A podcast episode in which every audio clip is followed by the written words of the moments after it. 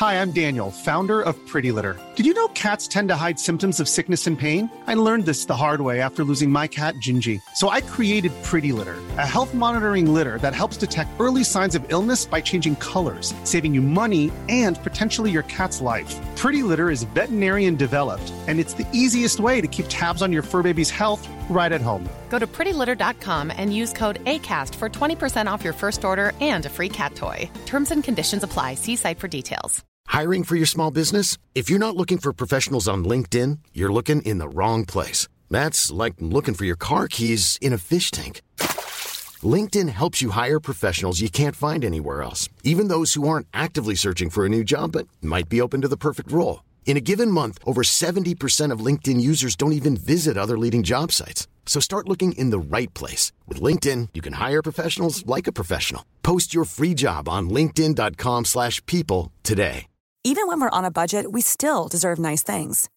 Quince is a place to scoop up stunning high-end goods for 50 to 80% less than similar brands. They have buttery soft cashmere sweaters starting at $50, luxurious Italian leather bags, and so much more. Plus, Quince only works with factories that use safe, ethical, and responsible manufacturing.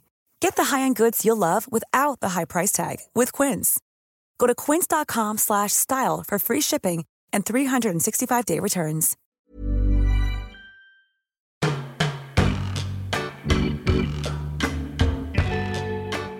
Såg du Alla mot alla häromdagen när jag och Lina Thomsgård mötte Olof Lund och Lotta Lundgren?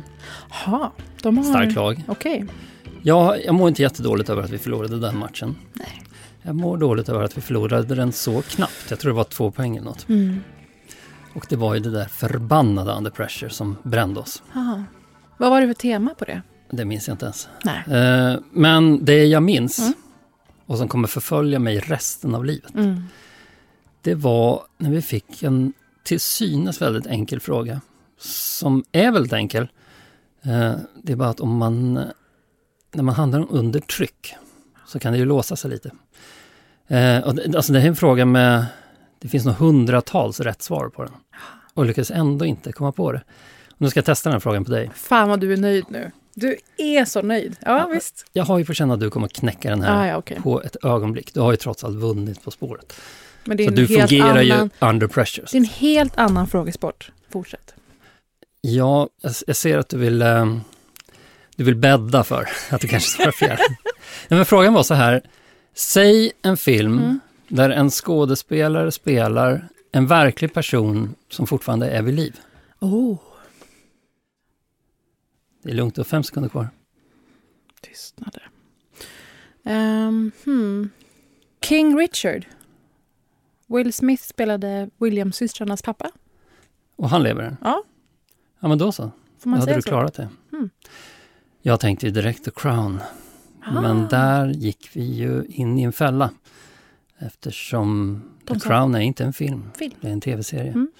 Och då blev det ju panik och vi kom ingenstans. Det här kommer förfölja mig länge. Vi gick ju liksom också från fel håll. Man ska ju egentligen börja med skådespelaren, tänker jag. Tom Hanks, vad har han spelat Mm, Just egentligen? det. Ja, då hade vi förmodligen ganska snabbt kommit på att man spelar ju Sully, den här piloten som landade Mm. ett plan på Hudsonfloden. Eh, men vi började ju i filmänden och det blev väldigt krångligt. Hur såg eh, självhatskalan ut efter att det här sändes? Svårt. Det jag tänkte fråga om Alla mot alla, det är mängden som har skrivit till mig chockade om två saker.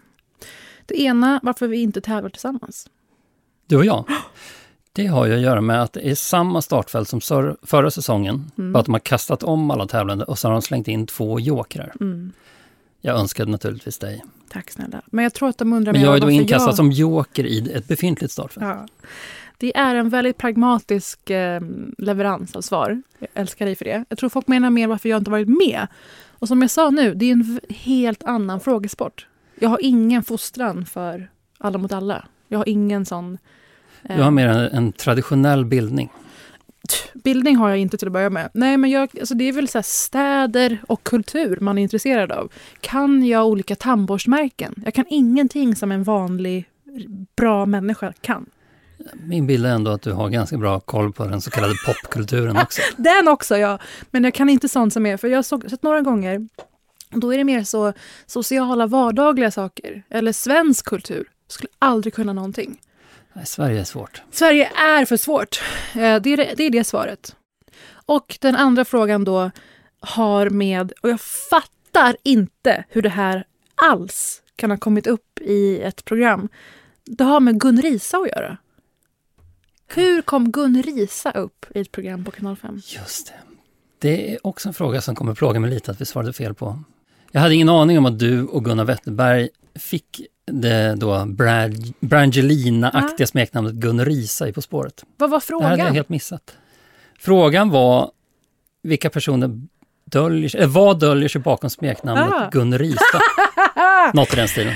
Men oavsett om du kan då olika filmer eller vad mitt och min kompis Gunnars couples name är så är ju det säkert jättebra för boken att du är med i Alla mot alla, tänker jag. Att det kanske är en publik som inte ännu har klivit på det här folkliga tåget förbi bokhandlarna och läst jävla karlar. Möjligen, jag tror väl kanske det snarare egentligen är tvärtom. Mhm. Som författare ska man väl inte sitta och apa sig alla mot alla, men jag tycker det är så kul med frågesport. Du sitter inte och apar dig. Det tror jag att du verkligen kan eh, vara lugn med. Men sen så såg jag att det är bokrea nu. Och det måste vara liksom det enda tillfället som det är smickrande att reas ut som människa och författare. Ja, så tycker de satt lite väl billigt pris. Man ser din, ditt omslag i tidningarna, alltså print, affischering på stan. Det är 99 kronor.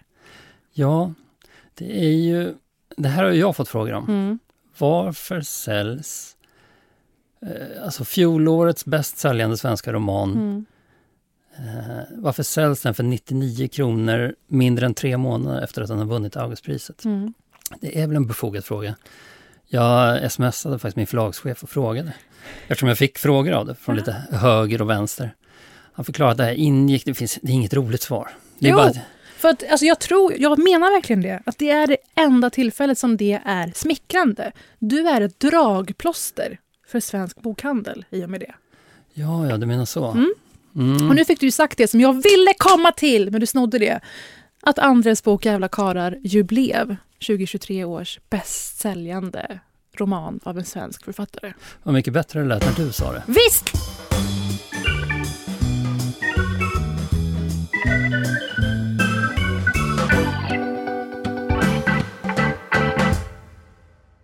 Parisa, kan du gå in på svtplay.se snedstreck morgonstudion. Alla avsnitt ligger ju kvar en vecka Mm. på sajten. Om du då scrollar ner till morgonstudion torsdag 15 februari Mm. och så klickar du igång morgonstudion torsdag 15 februari. Från start? Ja. Okej. 06.00. Sätt igång. Händer ingenting. Och nu tror du Mm. att det är ditt wifi det är fel på. Men det är det inte. För hela sändningen torsdag 15 februari är försvunnen. Mhm. Det är ett mysterium. Eller är det en komplott? Precis. Är det en mörkläggning? Det har sett ut så här i dagar nu. Och eftersom avsnittet ligger kvar i en vecka så är det här då näst sista dagen man då formellt har chansen att se det. Men det går ju inte att se det eftersom det är borta.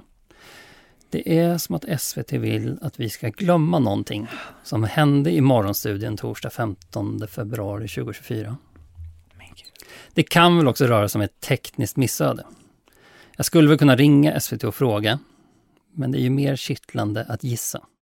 Jag gissar att det här har att göra med ett märkligt nyhetsinslag som visades denna morgon. Morgonstudions nyheter går ju varje hel och halvtimme, det vet du. Mm. Så det blir ju upp mot tio sändningar av samma nyhetsinslag under de fyra timmar som Morgonstudion pågår. Så vill man begrava ett enskilt nyhetsinslag, alltså mörka att det någonsin ägt rum, då måste man ju begrava hela bandet, alla fyra timmarna. För det skulle vara märkligt om bara just det här ny, nyhetsinslaget försvann nio gånger på samma morgon, eller samma sändning. Jag säger inte att det var det som hände, men en sak har jag väl lärt mig av moderata konspirationsteoretiker på internet. Och det är att man behöver inte säga att det var det som Mm. hände. Man behöver bara ställa frågan. Lars Bäckman. Detta under. Fascinerande karaktär på Twitter, är det va? Han har ställt en och annan fråga på ett ledande vis. Ja. Ja, Eh, och det är framförallt då när det handlar om SVT så behöver man ju bara peka på det och säga, eller man behöver bara liksom bifoga den där emojin med ett litet huvud som eh, lägger handen i hakan Ja. Och ser ut att tänka, hmm, Mm. Och nu är du med på det tåget. ja, nu vill jag koppla på ett sånt tåg själv. Fast jag inte riktigt tror på att det är en mörkläggning. Jo! Till det märkliga nyhetsinslaget Mm. som jag har kommit över. Fast det möjligen blev begravt. Och som jag nu möjligen har peggat upp lite för högt för att det ska motsvara dina förväntningar på en konspirationsteori. Men nu kör vi bara. Det är alltså inget fel på själva nyheten. Det är god journalistik, ett klassiskt grävjobb. Det handlar om situationen på statliga ungdomshem med högsta säkerhetsklass, Mm. så kallade SIS-hem. Just det. När jag var liten hette det ungdomsfängelser. Mm. Eh, Så att vi säger väl ungdomsfängelser. Alltså situationen inne på dessa ungdomsfängelser är fruktansvärd. Mm. Det är det inslaget handlar om. Det är de intagna som styr. Det är beskyddarverksamhet och så vidare. Intagna misshandlas av andra intagna. Och de anställda vågar inte gå emellan. Och, eller ens vittna. Mm. Eh, saker begravs. Det är supermörkt. Det är antitesen till ett persiskt hem. Det är ett misslyckande på alla Det sätt. är verkligen ett misslyckande. Mm. Och, eh, så det är ett oerhört angeläget inslag. Dessutom kretsar inslaget kring ett SIS-hem uppe i Kalix, så det är ju extra mörkt av rena breddgradsskäl. Mm. Alltså hela inslaget är True Detective säsong 4 mörkt. Och det är mycket såna här eh, taggtrådsserpentiner uppe på Mm. murkrönen mot en djupt gråblå himmel. Klippbilder har tagits. Mm, snöflingor som yr under lyktor med kallt ljus och så vidare. Allt är mörkt. Och i det här inslaget intervjuas anställda som vittnar om den här supermörka situationen innanför murarna. Och de är naturligtvis anonyma. Deras röster är förvrängda. Och du vet hur det brukar låta Mm. och hur det brukar se ut. Man har känning på en oskarp silhuett i förgrunden. Med luva. Ja, precis. Och bortom den sitter då en reporter i skärpa och nickar med väldigt bekymrad min. Mm. Det här har du sett. Absolut. Du vet, Har du har lite i bakhuvudet hur det låter. det. Mm-mm. Det är helt i sin ordning. Men redigeraren på SVT som fick uppgiften att förvränga rösterna tog det möjligen något steg för långt. Du har alltså sett det här som SVT har försökt begrava? Jag såg det flera gånger under den här morgonen och skrattade väldigt mycket. Innan det försvann. Så du har faktiskt Jag har bevis? klippet. Nej! Okej. Ja, rösterna är då så förvrängda att det blir lite svårt att ta vittnesmål på allvar. Eller ens förstå vad de säger. Rösterna är så förvrängda att det enda man kan tänka på är hur besynnerligt glada de låter i förhållande till det mörker de pratar om. Det är inte första gången förvrängda röster skapar den här dissonansen i granskande journalistik. Mm. Jag har nog aldrig hört en större dissonans. Ska vi lyssna hur det lät i inslaget? Gärna. Rullar Erik. Ungdomar som misshandlas rekryteras till gäng och utpressas. Personal som är rädda för att gå till jobbet. Nu varnar anställda för att situationen på statliga ungdomshem urartat.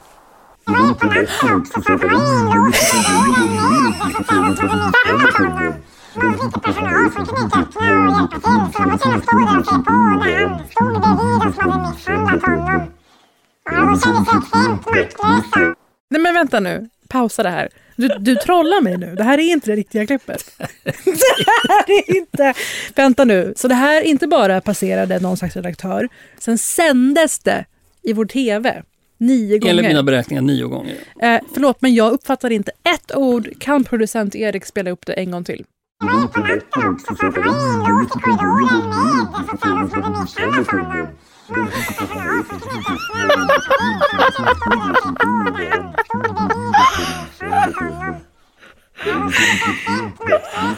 Nej, men det...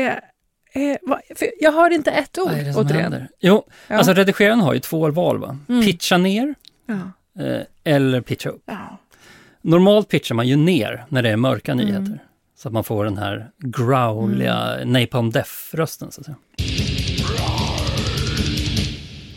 Men här pitchas det åt båda håll med en viss slagsida uppåt. Ja, men det är som att redigeraren eh, ville förlöjliga de här vittnesmålen? Alltså ingen kan ju ha släppt ifrån sig det här med, o, med, alltså utan att det är med flit. Ja, det var väl det. Det är kanske därför det är försvunnet då. Och det här är-. Och det här är bara ett, en intervju. Var det flera intervjuer? Det var flera intervjuer, men jag tror Mm. att det här var den, den värsta. Men jag ska säga att det här nyhetsinslaget rullade ju på tvn medan jag och mina barn åt frukost. Och barnen började ju skratta så att det sipprade ut mjölk och havrefras över hakorna och ner på kläderna.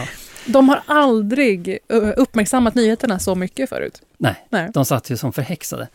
Eh, vilket normalt har gjort mig lite förbannad, att de liksom, eh, dreglade mjölk och havrefras på kläderna. Mm. För det är ju kläder de ska ha på sig i Ingen, skolan. ingen tror att du blev förbannad på dina barn. Nej, Nej, du kan och inte. de hade ju inte en chans när den här eh, Disneymus-fängelsevakten började prata. Eller för att citera vittnet i klippet. Hörde du vad han sa? Nej. De Jag- jag- kände sig extremt maktlösa. Åh gud, jag förstår inte ett ord. Vänta, en gång till, producent Erik. Om det var därför Morgonstudion torsdag 15 februari försvann Mm. i en mörkläggning kommer vi nog aldrig få veta. Men att SVT själva begrep att de hade gått lite för långt med röstförvrängningen blev tydligt redan samma kväll när reportaget vevades i Aktuellt 21-sändning med en annan röst. Mm. Och då var den här förvrängda rösten helt utbytt mot en röstskådespelare som läste replikerna helt normalt. Man har ju inte personal för att rida ut stormen som skulle kunna bli efteråt, så man avvaktar ju med de här sakerna. Så man kan väl tänka sig att för var och en av de här nio gångerna som inslaget gick ut Mm. så blev medvetenheten på SVT starkare och starkare om att det här fungerar bara inte. Men man kan väl möjligen tänka sig att, att det här skulle vara en fungerande modell för ungdomsfängelsevakter Mm. att prata med den här rösten, med fångarna, som någon sorts lågaffektivt bemötande. Det är väldigt svårt att vara arg och slåss när någon står och pratar på det sättet.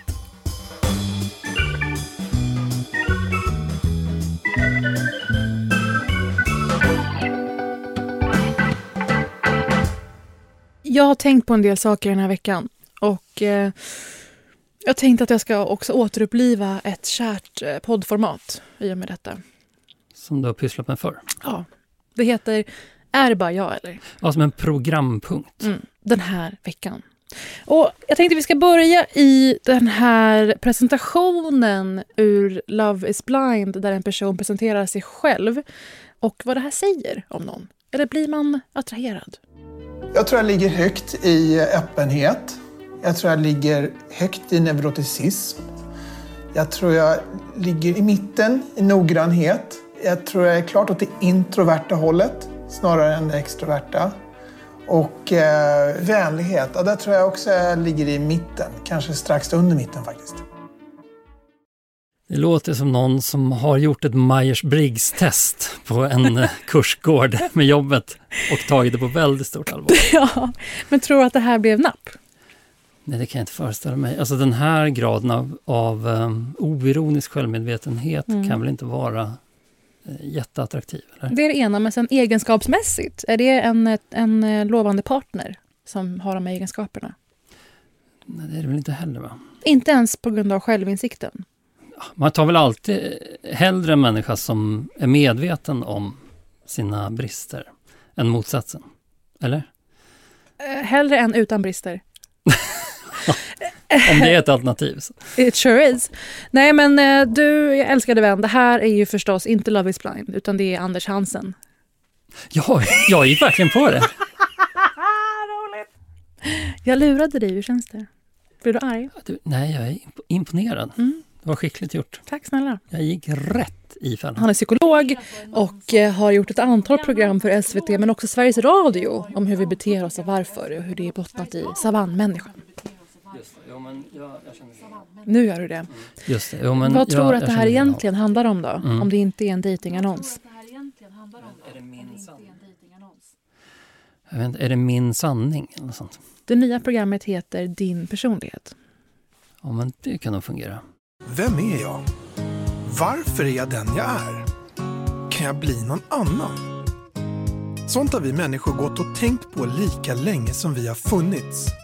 Och det är just de frågorna som vi ska försöka svara på i den här programserien.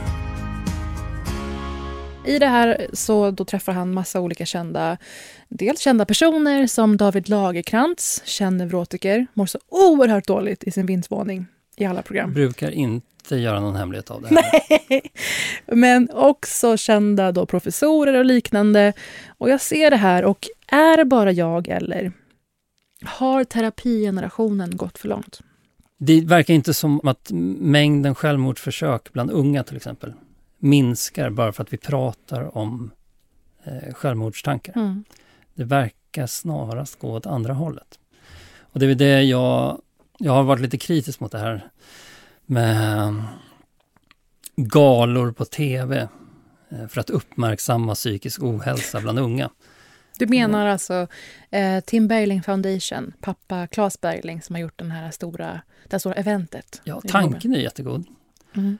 Men vad vi behöver är ju inte galor som påminner oss om att vi måste prata om det. Vad vi behöver är ju pengar. Mm. Det, det, stora problemet är väl då till exempel att en, en, skolkurator, en skolkurator ska ha ansvar för 4 000 elever eller något sånt. Mm. Det är ju ett problem på riktigt, snarare än att vi pratar för lite om det. Mm. För att ju mer vi pratar om det, så det tycks ju vara så, att ju mer vi pratar om det, desto värre blir det. I veckan så i DN skrev Roland Paulsen Medan tron på psykologerna ökar mår vi allt sämre. The Atlantic skrev nyligen att eh, tonåringar som börjar i terapi mår, eh, mår stadigt sämre. Jag läste den där texten av Roland Paulsen. Jag tycker det är roligt när han, när han är inne på det här med att psykologer har en eh, psykologer har en viss förväntan på vad man ska prata om. Mm. Pratar om ekonomiska bekymmer så somnar de. Mm. Men börjar du prata om drömmar du har haft eller förhållandet med din mamma, Mm. då lutar de sig in i konversationen. Om du då har gått i terapi, Mm. då är jag nyfiken på vad ville terapeuten höra om stressrelaterade problem och ekonomi? Eller ville terapeuten att du skulle prata om märkliga drömmar du haft? Inget era. Jag har nog aldrig pratat så lite som när jag varit i terapi. För det är ju de sakerna man aldrig har eh, sagt högt. Nej, du är inte så självutlämnande. Nej, så det är de sakerna man aldrig sagt högt i en relation, inom ens familj. Så jag, jag har nog aldrig fått någon att behöva jobba så mycket för att få, få någonting ur en. Så. Mejsla ur sanningar ur dig. Men du ska verkligen gå i terapi. Nej, jag vill inte. det var någon som sa att det finns två sorters människor. Mm. De som betalar andra för att de ska lyssna på deras problem Mm. och de som tar betalt för att andra ska lyssna på deras problem. Och jag tillhör ju verkligen den senare sorten. Det gör du verkligen. Ja, jag, jag, jag pratar ju ganska ogenerat om mig själv Ja. och sen fakturerar. Då kanske du inte behöver det. Nej, det är intressant.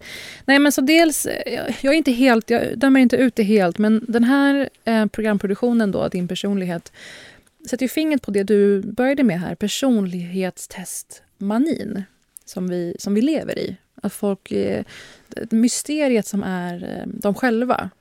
Men det jag gillar med det är om det eventuellt tyder på att folk vill förändra sig. Och inte bara kunna säga, sån här är jag. Nej, jag tror att det handlar mer om att man vill spegla sig. Mhm. I och med det här så har SVT släppt i Duo-appen ett eh, personlighetstest. Tio minuter tar det. Mhm. Ehm, mina mätningar blev oerhört oro- oroväckande. Vi kommer inte gå igenom dem. Men det var spännande grepp tycker jag. Att de i ett program säger du, gå in på Duo-appen och gör ett personlighetstest till alla medborgare. Eh, rekommenderas. Men i då det här så blandar han också in Greta Thunberg träffar han i ett avsnitt. Och då är vi inne på diagnoser Ja, det är det. som du var inne på. Och det är ju vår tidsfråga. Vad är diagnosen och vad är bara jag? Och vad är jag? Och det är väl där det börjar bli intressant. Är det ens intressant att lösgöra dem från varandra? Och mm, är allt till för att medicinera bort av hur vi är? Jag är tämligen säker på att jag skulle få en diagnos om jag orkade gå iväg och Mm. skaffa den. Men jag fick ju test, när jag skrev den där romanen så lånade jag ju ADHD-tabletter av min Mm. vän. Vi kanske ska eh, pipa hans namn, Ja. jag tror inte man får låna ut ADHD-tabletter hur som helst. Underbart. Alltså jag har ju bekanta som tar Elvanse, en ADHD-medicin, och helt öppet säger att det är för att, göra, att man blir tajt snabbt. Man blir smal snabbt. Ja, ja. Det här är hälften av personerna i uh, generiska svenskens uh, Instagramflöde. Så om du sitter och har ångest över att andra är så smala så lätt, det har med medicin att göra ofta. Och vårt mest lyssnade avsnitt är ADHD-utredd på Coop. Där du just pratar om att du inte har liksom fullföljt utredningen. Hur går det med det? Det finns inga planer på det? Nej, det tillhör väl då diagnosen att inte kunna släppa sig iväg till en doktor för att få hjälp. Ja, men Lisa påpekar väl allt oftare att jag kanske borde gå och skaffa mig den där diagnosen. Mm. Alltså mitt liv skulle bli enklare mm. på medicin. Mm. Att jag skulle kunna ha koll på saker. Mm. Hon hade nyligen lyssnat på en intervju med Jessica Almenäs där hon berättade om sin diagnos. Så tydliga likhetstecken mellan dig och Almenäs? Ja, hon sa det var som att höra dig sitta och berätta om dig själv. Förlåt. Ja. Eh, och så är det väl nästan varje gång de berättar om sin diagnos. Det är möjligt att jag borde skaffa, men jag, är, jag, jag försöker övertyga mig själv ändå om att jag är en högfungerande... Om det gick bara att beställa de här tabletterna på internet, då hade jag beställt dem för länge sedan. Men det här att man måste gå en utredning, det är helt oöverstigligt. Q gängkriminalitet. Det går tyvärr att beställa via både sms och internet om man vill göra sådana krafter. Ja, man kan beställa sådana tabletter. Det är Måste man inte ut på dark web då? Det folk gör du. Har du varit på dark web? Nej, gud nej. jo, men på tal om det här med att låna ut piller. Jag, eh, när jag jobbade som produktionsassistent på ett produktionsbolag som 19 år gammal. Ehm, jag var på Stockholm Köpenhamn som det sen bröts ut till Mexiko som gör typ alla mot alla och sådär. Då jobbade det en person där. Och eh, hon, jag hade mensvärk tror jag och hon slipped me a pill. Det visade sig vara inte Ipren. Vad var det då? Det var Ritalin. Och vad gör det? Det här känns ju djupt olagligt. Också 19 år gammal och hon var kanske hon är ju åtta år äldre. Och sånt. Men vad är Ritalin? ADHD-amfetamin på något sätt. Och, och det hjälper mot mensvärk? Herregud. Alltså ibland... hon planterade en ADHD-tablett istället för Ipren för att lura mig. Jaha, det var ett Älskling. hyss? Det var ett hyss. Eh, och det här hysset då var att hon var nyligen, hade nyligen fått diagnos. Och då var jag övertygad om att alla hade det. Alla skulle hjälpas av den här tabletten. Ja, som vill bara se om du lyfte som människa. Jag har aldrig mått sämre i hela mitt liv. Oj då. Ja. När jag skrev till henne, jag mår inte bra, vad är det som händer? Ja, jag ville bara testa. Men skönt, då vet du. är det okej? Ja. När jag lånade ADHD-tabletter av ja, min vän, då mådde jag ju toppen. Ja. Alltså jag, det är ju enda gången i mitt vuxna liv, mm. eller åtminstone ja, enda gången sedan puberteten, jag har upplevt känslan av att vara pigg. Amen. Och kunna fokusera på en och samma punkt. Det var häftigt. Alltså ja. i mer än 20 minuter. Du kommer få hemliga paket hem efter avsnittet. Så Skicka ADHD-tabletter. Varsågod. Varför jag tar upp allt det här är för att jag tycker att det du var inne på, att vi försöker få en diagnos för att förklara vilka vi är, men absolut inte göra någonting åt det. Det, det är lite där många har hamnat. Ja.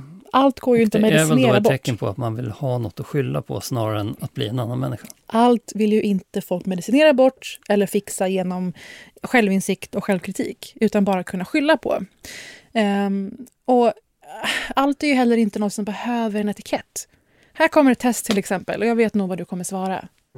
Tänk dig att du varit på middag med dina bästa kompisar. Klockan är elva. Känner du då innerst inne att nu går vi ner på stan, fortsätter kvällen? Eller känner du, det här var toppen, men nu önskar jag att jag kunde teleportera mig hem till soffan? Vill du gå ner på stan är du extrovert. Och vill du hem till soffan är du introvert. Eller kanske bara inte alkoholist. Ja, enligt det här testet så är väl jag introvert. Jag, har, jag är inte ens kvar där klockan elva. jag har gått hem klockan nio. Jag tänkte också det. Eller så är man bara, har man bara andra intressen eller är inte alkoholist. Så man kan se eh, programmet Din personlighet, programlett av Anders Hansen. Eh, kanske för att se tecken i tiden på att folk gärna vill veta eh, vem de är och varför. Men inte nödvändigtvis för att göra någonting åt saken.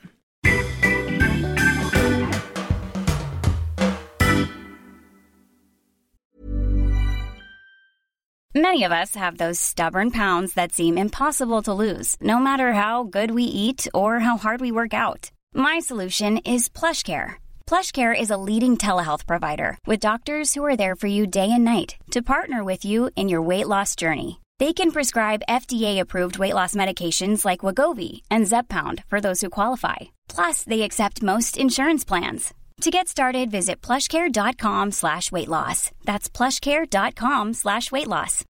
Millions of people have lost weight with personalized plans from Noom. Like Evan, who can't stand salads and still lost 50 pounds. Salads generally for most people are the easy button, right? For me, that wasn't an option. I never really was a salad guy. That's just not who I am. But Noom worked for me. Get your personalized plan today at Noom.com. Real Noom user compensated to provide their story. In four weeks, the typical Noom user can expect to lose one to two pounds per week. Individual results may vary. I'm Sandra, and I'm just the professional your small business was looking for. But you didn't hire me because you didn't use LinkedIn jobs. LinkedIn has professionals you can't find anywhere else, including those who aren't actively looking for a new job but might be open to the perfect role, like me. In a given month, over 70% of LinkedIn users don't visit other leading job sites. So if you're not looking on LinkedIn, you'll miss out on great candidates like Sandra. Start hiring professionals like a professional. Post your free job on linkedin.com/people slash people today. Det andra som jag tänkt på den här veckan och känner starkt, är det bara jag eller? Det jackar i lite i det du var inne på förut. Vi har någon slags eh, softgranskning på gång där ute. Har du hört om det här? Eh, Rickard Aschberg, Sveriges Television Uppdrag granskning. Ja. Hej, tänkte bara höra om ditt eh, CV, ditt eh, CV som du har på regeringens hemsida. Det är ju ett fel det här, det är ju det är inte korrekta uppgifter. Det är alltså politiker vars CVn är lite kryddade. Det är alltså veckans Uppdrag granskning eh, och jag misstänker att det här får helt motsatt effekt än de har tänkt sig. Det här låter som en scen ur Amelie från Montmartre. Det här är infrastruktur och bostadsminister Andreas Karlsson. Hans CV toppas med fristående kurser i juridik och kommunikation vid Lunds universitet under åren 2007 till 2009. Vid evenemang som arrangerats av myndigheter har han presenterats som en minister med en educational background in law and communication. Alltså en utbildningsbakgrund inom juridik och kommunikation. Det visar sig att de fristående kurserna under tre år var en kurs motsvarande en halv termins studier på distans. Ja, det är lite Jeanot Carreau-stämning. Ja, det är någon som trippar fram på kullersten. Ja. Ja, så är det bara jag eller har liksom granskning urholkats och blivit soft, eller softgranskning? Ja, man får ju känslan av att reporten kanske inte riktigt fullt ut tror på sprängkraften i sin granskning och därför skapar den här lite Jeanot Carreau-stämningen istället. För att det ska bli lite trevligt. En storögd brunett under ett paraply i Paris någonstans kollar upp. Ja, Hej, det är jag som är Rickard Aschberg. jag föredrar ju nästan det framför vanlig hård granskning. När det är hård musik och hårda, mörka, förvrängda röster. Ja. Då, ja men när de ringer på hemma hos folk Ja. och konfronterar dem med saker. Då tycker jag ju alltid ögonblickligen mer synd om den de ringer på hos än om någon drabbad. Alltså jag blir så stressad å deras vägnar. Vad, vad, Så- så- vad som än har hänt. Eh, Granskande journalistik funkar aldrig på mig. Men den här fransk romcom-paketerade granskningen då? Hur känner du då? Ja, men här, det kanske är mer granskning för mig. Att jag blir inte nervös, för det är inte så hårt. Så jag är så konflikträdd, antar jag då. Att jag klarar inte av hård granskning. Och substansen här då, då känner du faktiskt att han har gjort fel, den här ministern. Ja, men då kan jag väl istället då känna, gå på honom hårdare. Så jag skulle säga att det här är ett framgångsrikt grepp. Eh, vad intressant, för jag såg det här och tänkte att det här kommer ge totalt motsatt effekt. Det här blir som ofrivillig PR, där man känner att det här var ju ingenting. Det här var ju inte värt att lägga programtid och journalisttimmar på att granska. Att han har ju en annan examen också från Jönköping, men att det var just på distans. Har du betoningen på på distans? Motsvarande en halv termins studier på distans. Känner du genuint att den här eh, ministern måste, måste få avgå? Nej. Det kan ju vara så att den här granskningen måste paketeras i Amelie från Montmartre-förpackning eftersom den inte är tillräckligt skandalös för Mm. att klä i den hårda journalistikens toner. Exakt, de satt i klipprummet och var så, förlåt men det här är ju ingenting. Det här håller inte. Men Var kanske om vi vi- lägger på lite mysig musik. Var har vi franska romcom-musiken? Så det här är inte bara softgranskning. Det här är då igenkännbarhetens granskning. Det här är Solsidan-granskning. Att den här musiken bidrar ju också till en clownifiering Mm. av de granskade. Mm. Det är lite som när Attenborough pratar om krabbor på stranden. Att de alltid är pajasar i hans naturfilmer. These crabs seem to be afraid of the water. Otrolig referens. Det var någon som twittrade en gång, så roligt, ett klipp från en David Attenborough naturfilm. Och så skrev han eh, att, att David At- Attenborough kränkte krabbor för att han They are gestures to him. Och så, var, och så spelade han upp att det alltid var sån här cirkusmusik när krabborna gick i sidled. Åh herregud. Men jag tycker att eh, dels det absolut att det blir Dels det att det blir en clownifiering istället för demonisering kanske, för det håller inte för demonisering. Nej, precis. Det Och håller samma- bara för clownifiering. Och samma veckan som Uppdrag granskning släppte sin då Solsidan-granskning så eh, släppte de att eh, statsministern Ulf Kristerssons fru Birgitta Ed följde med på Washingtonresan och bodde i hans hotellrum och flög i statliga flyget det. utan att betala. Och det är ju nästan en ännu svagare granskning. Va? Är det någon som tycker det är konstigt? CH? Frågetecken. Det är inte en Solsidan-granskning. Det är liksom en, en tweet. På sin höjd. Ja, eller kanske en reply till en tweet. Det är en reply på tweet-granskning. I år på Stora journalistpriset kommer det delas ut priser i årets Solsidan-granskning och årets reply på tweet-granskning.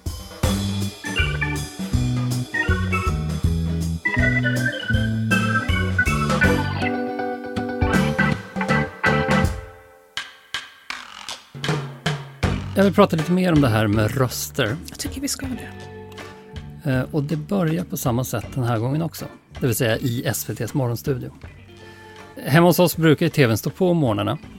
Jag vill att mina barn ska se lite riktiga nyheter och inte bara olika youtubers som pratar om Five Nights at Freddy's och Fortnite och vad det är. Och en morgon när jag ställer fram frukost till mina barn. Det här är alltså då inte torsdag den 15 februari utan en annan morgon. Så har jag nyhetsuppläsaren i ögonvrån. Det är den älskvärda Åsa Avdic Mm. som läser upp en nyhet. Nationalskatt. En av de roligaste människor jag vet. Det också. Dock inte i nyheterna, för där har hon inte utrymme att vara rolig. Mm. Eh, nyheten är att de här Iran-stödda Houthi-rebellerna i Jemen har skjutit någon sorts missil mot ett handelsfartyg utanför Jemens kust. Igen. Och när Åsa Avdic har redogjort för händelseutvecklingen till några lågupplösta bilder från det attackerade fartyget kommer två korta klipp från två olika presskonferenser som har hållits med anledning av den här attacken. I det första klippet, eh, som bara är sex sekunder långt, så ser vi en stilig man, starkt uniform, medaljer, basker, stående bakom ett podium med två platsmonterade mikrofoner. Han heter eh, Yahya Saraya och är militär talesman för hutierna. Kan du se honom framför dig? Det är nog inte han jag ser, för jag ser mer någon slags Yassir Arafat-figur. Den här mannen är lite mer välstruken. Mm.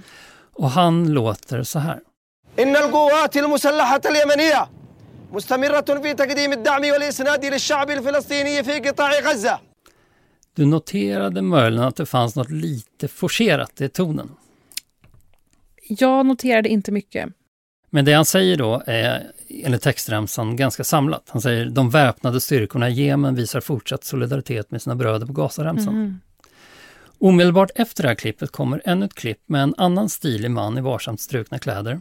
Stående bakom ett podium med två platsmonterade mikrofoner. En sorts eh, västerländsk spegling kan man säga. Den här gången är det John Kirby, talesman för USAs nationella säkerhetsråd. Och han har, liksom Yahya Saraya, hög security clearance-aura. Kan du se honom framför dig? Ja, det kan jag absolut. Ja, man ser på honom att han ofta besvarar frågor från sina medarbetare med orden “That's above your pay grade”.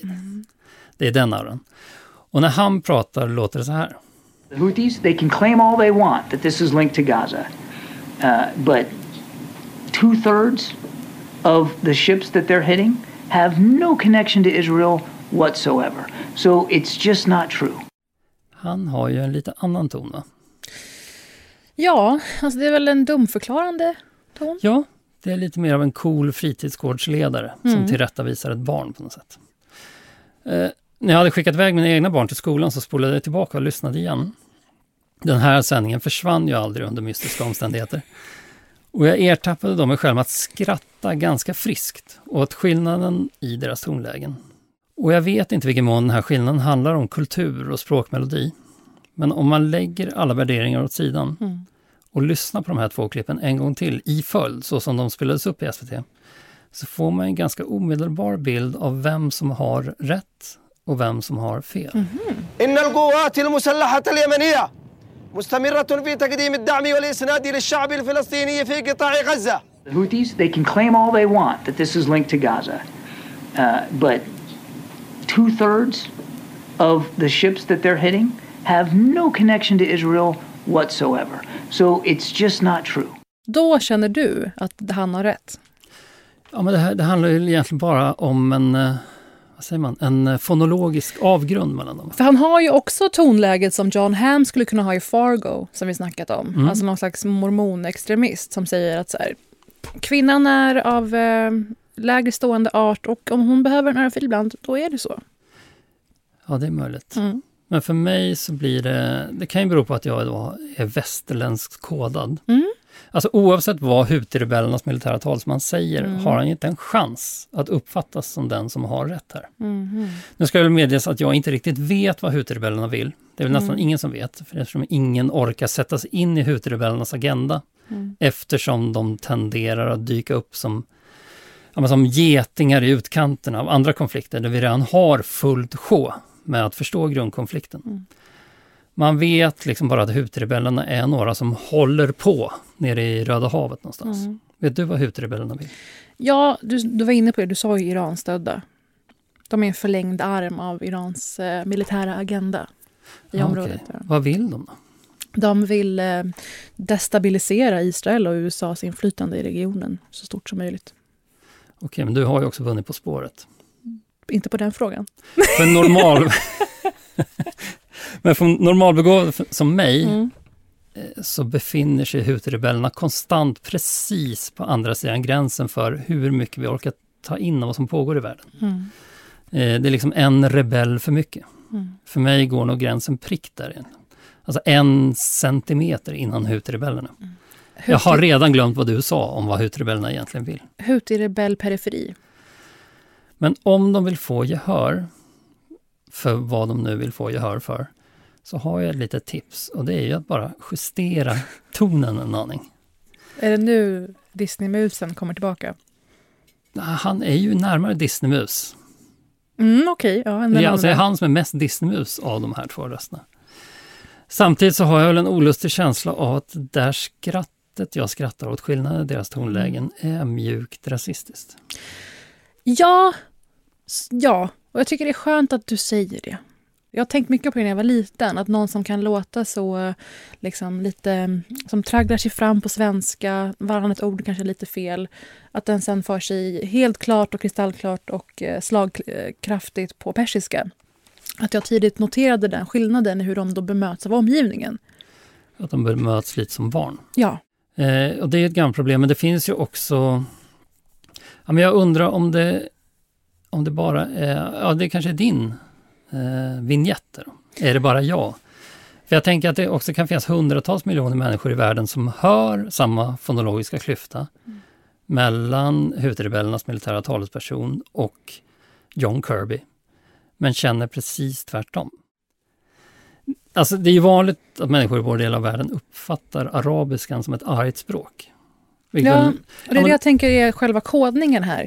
Tänk alla Arnold Schwarzenegger-filmer du sett där han slåss mot eh, sura araber. Hur de skriker och, och liksom jämrar sig. Ja, I och med att vi matas med de här ständiga ilskna, primitiva typerna så tror jag att det är en del av det som är ko- kodningen, helt enkelt. Ja, jag antar att det här har att göra med att de flesta araber vi hör är arga terrorister på film. Eller militärer på nyheterna. Tyvärr, i, sto- i stor utsträckning i mainstream-samhället, lägger jag till nu för att folk ska hear us out. Ja, jag begriper ju att araber generellt inte är argare än vad jag är. Mm. Så det måste ju finnas en fonologisk skillnad. Så jag mejlade en språkvetare vid Göteborgs universitet, Mm. en Andreas Hallberg, som undervisar i arabiska. Mm. Och jag bifogade de här klippen jag spelade för dig. Och så frågade jag så här, lite nedkortat. Är arabiskan i sig själv mer citat forcerad än till exempel engelskan eller svenskan? Det vill säga vad som än sägs. Mm. Eller är det mer troligt att det handlar om en slagsida i det som når mig? För att majoriteten av människorna som pratar arabiska i västerländska nyhetssändningar är antingen militärer eller människor i tillstånd av förtvivlan, som i Gaza. Det vill man väl veta. Ja, spännande att du mejlade en person. Jag fick svar. Mm. Det tog bara någon timme eller något. Långt, långt svar. Jag ska inte läsa upp det. Fjärde mejlet han fick den dagen på det temat kanske. Möjligen, för att han börjar så här. Jag får ofta frågor eller kommentarer liknande den här. Många personer har en upplevelse av att arabiska på olika sätt är citat aggressivt eller citat forcerat. Eller att arabisktalande personer är högljudda. Detta härrör, tror jag, ur konventioner för samtal eller tal mer generellt och hur man i olika kulturer kodar olika signaler med röstläge och intonation. Mm. En egenskap, säg ljudvolym, kan i en kultur vara kodat som aggressivitet medan det i en annan kultur är kodat som engagemang. Mm. Det tyckte jag var spännande. Mm. För, alltså jag har ju stått på en marknad i arabvärlden Mm. och blivit helt kall i hårbotten eftersom det känns som att alla är arga på mig. Det ligger väl något i det där då. Mm. Att han utstrålar engagemang medan jag uppfattar det som eh, att han är stressad och arg. Alltså det är bra att du säger det här, för jag tror att det här har en del med problematiken kring graden av mänsklighet folk eh, applicerar på de som dödas i Gaza. Att de är så avhumaniserade i världen i stort. Dels islamofobi, arabofobi. Att det då färgar en del av hur folk upplever de här klippen på folk som skriker med döda barn i famnen. Och det som har hänt i Sverige också. Att det var ett fall där en man dog för att vården eh, hade skrivit till och med i journalen att det bara var en kulturell svimning när han kom in med hjärnblödning. Just det, det här låter bekant. Så det här är också befäst, Andrev, att det finns de här eh, otroligt eh, förminskande, förödande tolkningarna av liksom andra kulturer, speciellt arabiska. Men jag, jag älskar att du eh, är så pass självkritisk här, att du funderar tillbaka på scenarion. För jag har sett folk eh, rygga tillbaka på tunnelbanan när det kanske varit persiska, som kanske är lite mer melodiskt, men ändå ett annat språk. Och jag hör ju att de pratar om vad de ska göra ikväll eller bara liksom, umgås. Och människor på tunnelbanan tror att de står och planerar Mm. att spränga tåget. Då, då blir det så plågsamt tydligt, ja. Ja, jag undrar hur mycket den här rent fonologiska klyftan, alltså volym och hastighet i rösten, gör för missförstånden. Ja, men jag tror inte att det bara att det är fonologiskt. Jag tror att däremot att mycket av fördomar och hur vi feltolkar saker och saker som har blivit rasistiskt omtolkade, att det ligger i språk. Återigen som handgester i eh, Italien. Alltså vad spännande att du lyfter det här den här veckan också, för att jag såg ju Dune 2. Ja. Jag får nog inte gå in i detalj den här veckan om handlingen och filmen. Därför Men- det finns ett sånt embargo att Mm. säga vad man tycker. Men eh, den har premiär mycket snart och eh, den lutar sig väldigt mycket på influenser eh, till och från den arabiska och muslimska världen. För mycket kritik för första filmen för att de hade raderat i princip all arabisk influens. Och nu är det uppdraget så mycket åt andra hållet att det nästan lutar mot nidbilder. Jaha, Mm. jag har inte sett den här, men det var ju spännande. Mm. Jag ska ju säga att den här, eh, av allt den här eh, språkforskaren skrev, så skrev jag också att man ska vara försiktig med att prata om arabiska som språket för en enda citat arabisk kultur. Mm. Arabiska talas av 360 miljoner människor i ett 20-tal nationer med mycket olika kulturer. Jag ville bara också läsa upp hans väldigt direkta svar på frågan, är arabiskan i sig själv mer forcerad Mm. än till exempel engelskan eller svenskan? Det vill säga vad som än sägs. Och då svarar han så här. Svaret på detta är nej. Klippet visar en mycket specialiserad form av deklamatorisk arabiska. Det är en skillnad i retorisk kultur, inte i språken i sig. Man kan prata svenska eller engelska lika forcerat som i Huti-klippet. Jag tror inte man bör gå tillbaka så långt i svensk eller amerikansk historia för att hitta samma forcerade deklamatoriska stil också bland svenska och amerikanska politiker. Och man kan prata arabiska med precis samma tonläge och uttryck som den amerikanska talespersonen. Mm. En vanlig arabisk nyhetssändning, eller varför inte en vanlig konversation med någon på arabiska, är exempel på detta.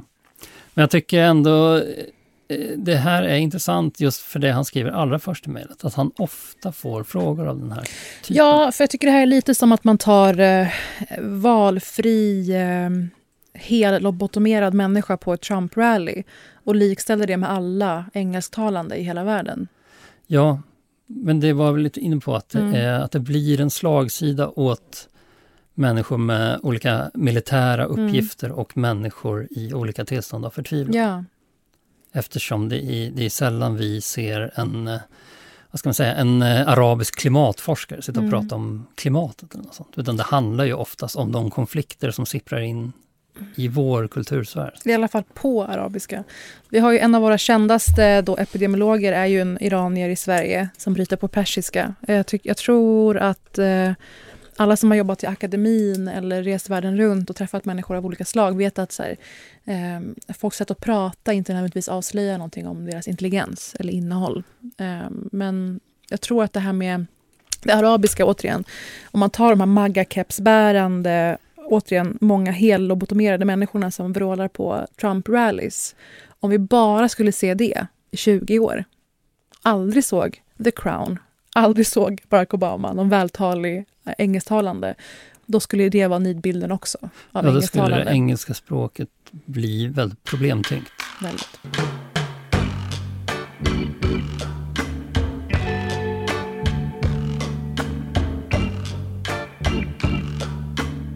Vi har en rättelse Mm. att införa.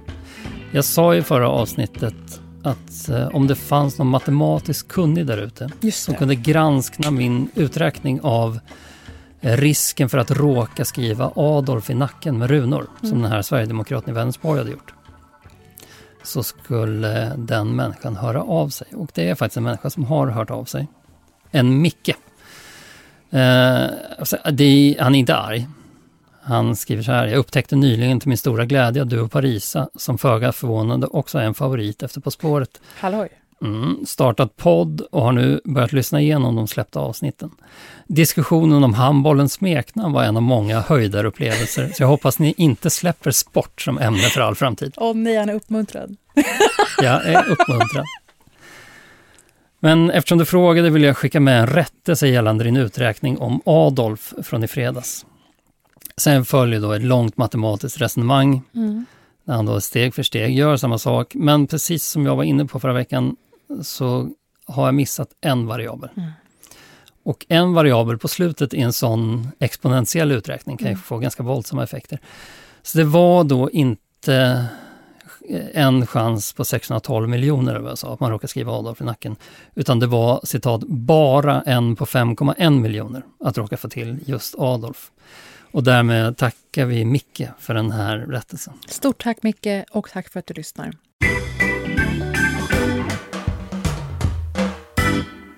Okej, jag googlade lite här och hittade Hutrebellernas slogan. Jaha. Man kan väl anta då att de själva hade på känn att vi inte riktigt orkar begripa vad de vill eftersom de då har skaffat sig en slogan. Behövde komprimera sitt budskap. Mm. Mm. Och den är inte riktigt lika ljus som Alla ska med eller Obamas Yes We Can. Men den är i alla fall mycket tydligare än Yes We Can. Det får man ge dem. Eh, Den går så här. Död till Amerika, död till Israel, förbanna judarna och seger till islam. Det är ju supertydligt. Snälla klipp inte ut det här och spela upp det i en annan podd ur kontext. Det, det kan väl vädja om. Det är möjligen lite overreaching slogan va? Alltså det är väldigt ambitiöst. Som ordmål betraktat lite Åh. osannolikt att man ska lyckas med allt det här. Fruktansvärt och återigen eh, förlängd arm av Iran och eh, hemskt. Nu hintade jag ju lite om eh, det jag sett av Dune 2 som jag har all, all frihet i världen att prata om djupt och brett eh, i nästa vecka. Utan att spoila förstås, med lite olika teman som om Timotej i öken, pyjamas, verkligen var rätt person att spela Paula Traders i Dune. Och du tycker inte riktigt att han bottnar i den här intergalaktiska hjälterollen? Eller? Det blir en bottnagranskning. Mm, kul! Ja, jag vet ju vem jag hellre hade sett i rollen. Man vill väl ha Adam Driver där. Det här är helt overkligt! Hela Ja. mitt prat bygger på det här. Kul! Varmt välkomna att lyssna på det, kanske nästa vecka. Tack för den här veckan. Tack. Hej då.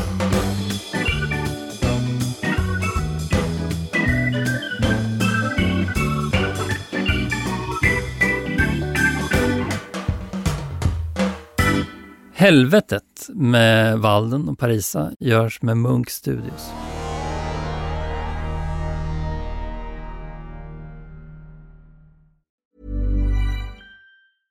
Even when we're on a budget, we still deserve nice things. Quince is a place to scoop up stunning high-end goods for 50 to 80% less than similar brands. They have buttery soft cashmere sweaters starting at $50, luxurious Italian leather bags, and so much more. Plus, Quince only works with factories that use safe, ethical, and responsible manufacturing. Get the high-end goods you'll love without the high price tag with Quince. Go to quince.com/style for free shipping and 365-day returns.